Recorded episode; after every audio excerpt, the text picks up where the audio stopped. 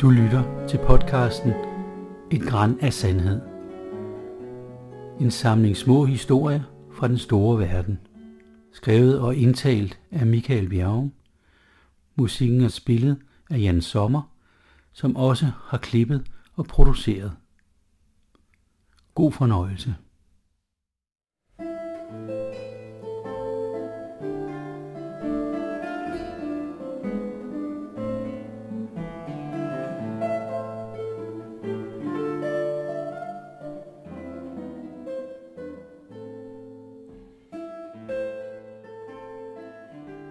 Greg i Managua. Det er varmt. Rigtig varmt. Sådan cirka 35 grader, da jeg ankommer til kontoret i centrum af Nicaraguas hovedstad, Managua. Jeg er lige begyndt på jobbet som administrator af et stort udviklingsprogram for organisationen World University Service. Jeg er blevet godt modtaget af de lokalt ansatte. Der er Gladys, en ung kvinde, som effektivt tager telefoner og udfører alle slags sekretærroller. Hun viser mig med stolthed kontorets mest avancerede apparat, en telefaxmaskine. Vi er i året 1990, lang tid før der er internet, e-mails og andre smarte kommunikationsformer. Faxen er det absolut mest hotte, der findes. Blandt medarbejderne er der også Oscar, som er regnskabsmanden og vil blive min nærmeste medarbejder. Så er der Flavio, José og en række andre personer med funktioner som chauffører, vagtmænd og rengøringspersonale. Endelig er der Begitte, som er landedirektør og min chef. Hun er dansker og i begyndelsen af 40'erne, ligesom jeg selv. Birgitte er smilende og imødekommende, men jeg mærker noget lidt stressende over hende. Jeg regner med, at hun har haft travlt, mens hun har ventet på min ankomst, hvor jeg lige skulle igennem seks ugers sprogkursus, inden jeg landede i Nicaragua. I løbet af en lille uge er jeg blevet sat ind i de vigtigste opgaver, og har også fået lejet et lille hus, hvor jeg kan bo med min familie, der vil ankomme et par måneder senere. Der er mange opgaver, også nogle lidt usædvanlige nogen af slagsen. José Andrés og de andre vagter har ønsket at kunne bære våben, fordi kriminaliteten er steget voldsomt, og der har været flere røverier mod kontorer i vores del af byen.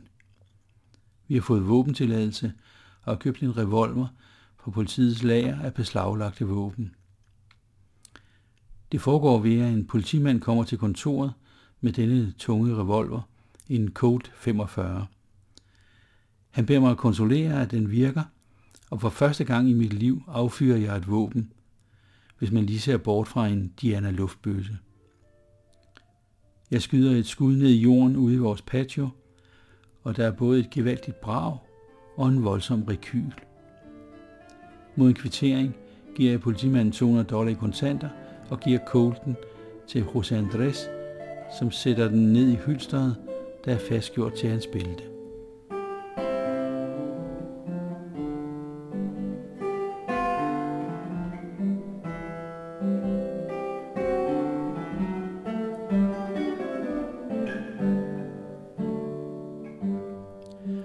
Kontoret møder jeg Greg, som er Birgittes kæreste.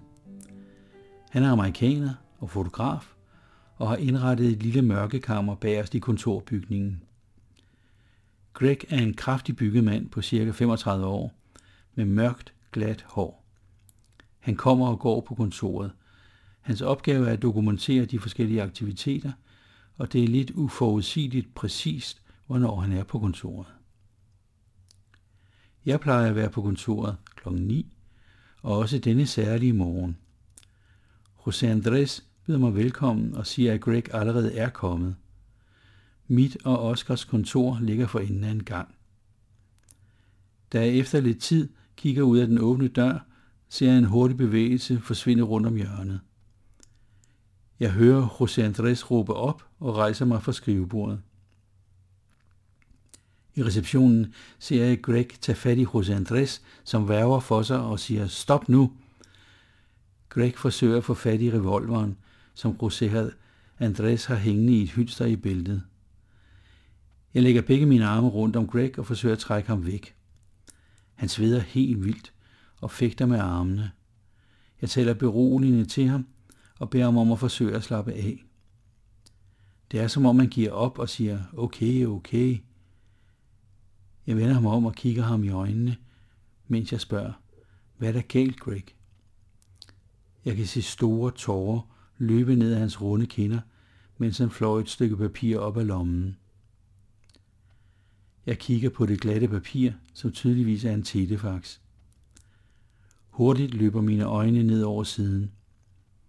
Det er et kærlighedsbrev, som starter med min elskede Birgitte og ender med tusindvis af hede kys fra din Hans Henrik.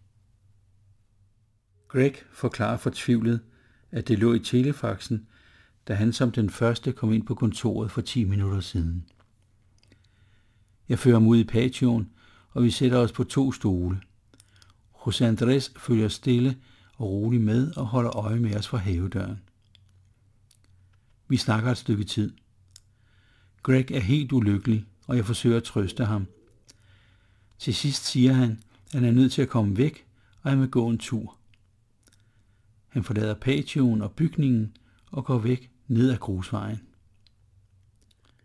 En time senere kommer Birgitte på kontoret.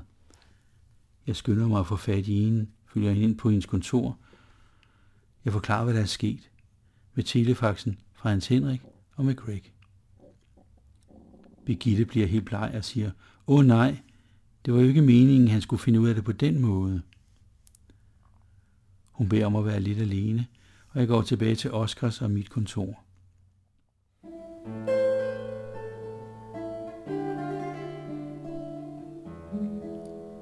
Pludselig hører jeg alarm i receptionen og får et glimt af Greg, der styrter gennem lokalet hen mod Begittes kontor. Jeg farer efter ham og står i døren. Greg står med en stor saks, som han holder op mod sin hals, mens Birgitte chokeret sidder på sin kontorstol, helt bleg. Greg råber, det hele er lige meget nu. Jeg kan fornemme, at José Andrés er lige bag ved mig, og jeg kaster mig frem mod Greg, og det lykkes at få slået saksen ud af hånden på ham, samtidig med at jeg får ham halvvejs ned på knæ.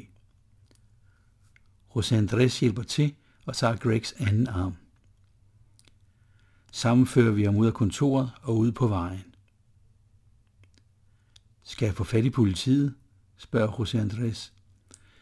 Jeg kigger på Greg, som står og ryster over hele kroppen. Jeg siger, vi skal vente, og kigger på Greg. Han er helt tom i blikket. Jeg foreslår, at jeg kører ham hjem, og så må vi tale sammen. José Andrés protesterer og siger, nej, nej, han er farlig.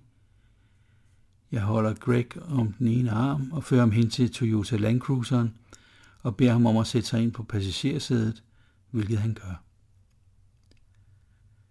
Jeg kører hurtigt den korte vej til huset, hvor Greg og Birgitte bor. Det er første gang, jeg er her, og Greg låser døren op. Vi sætter os i stuen, og Greg begynder at græde. Jeg venter på, at hulkene bliver færre og mindre, og spørger sig, om det ikke er en god idé, at Greg han snakker med en af sine venner eller noget familie. Han nikker og ringer op til sin bror i USA. Jeg går ud på verandaen, mens han taler, og kan svagt høre Greg forklare, mens han indimellem snøfter. Efter samtalen går jeg ind igen og laver et par kopper kaffe. Jeg bliver hos Greg en times tid og kører derpå tilbage til kontoret. Birgitte sidder med hovedet og armene nede i skrivebordet og virker helt chokeret. Hun siger, hun er bange, og hun ikke ved, hvad hun skal gøre.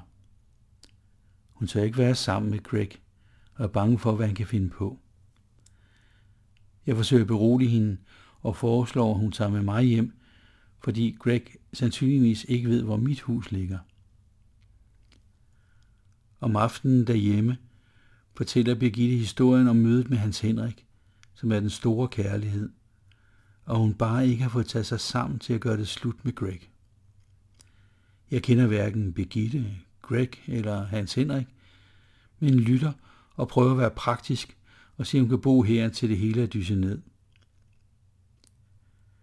Der går kun tre dage, så har Greg pakket alle sine ejendele ned, fået bestilt en flytning til USA og købt en flybillet. Jeg følger ham til Augusto Sandino Lufthavn i Managua omkring solnedgangstid. Han giver mig et kram og siger, at han glæder sig til at komme hjem til familien. Jeg giver en sidste high five, inden han går gennem sikkerhedskontrollen på vej mod sit fly.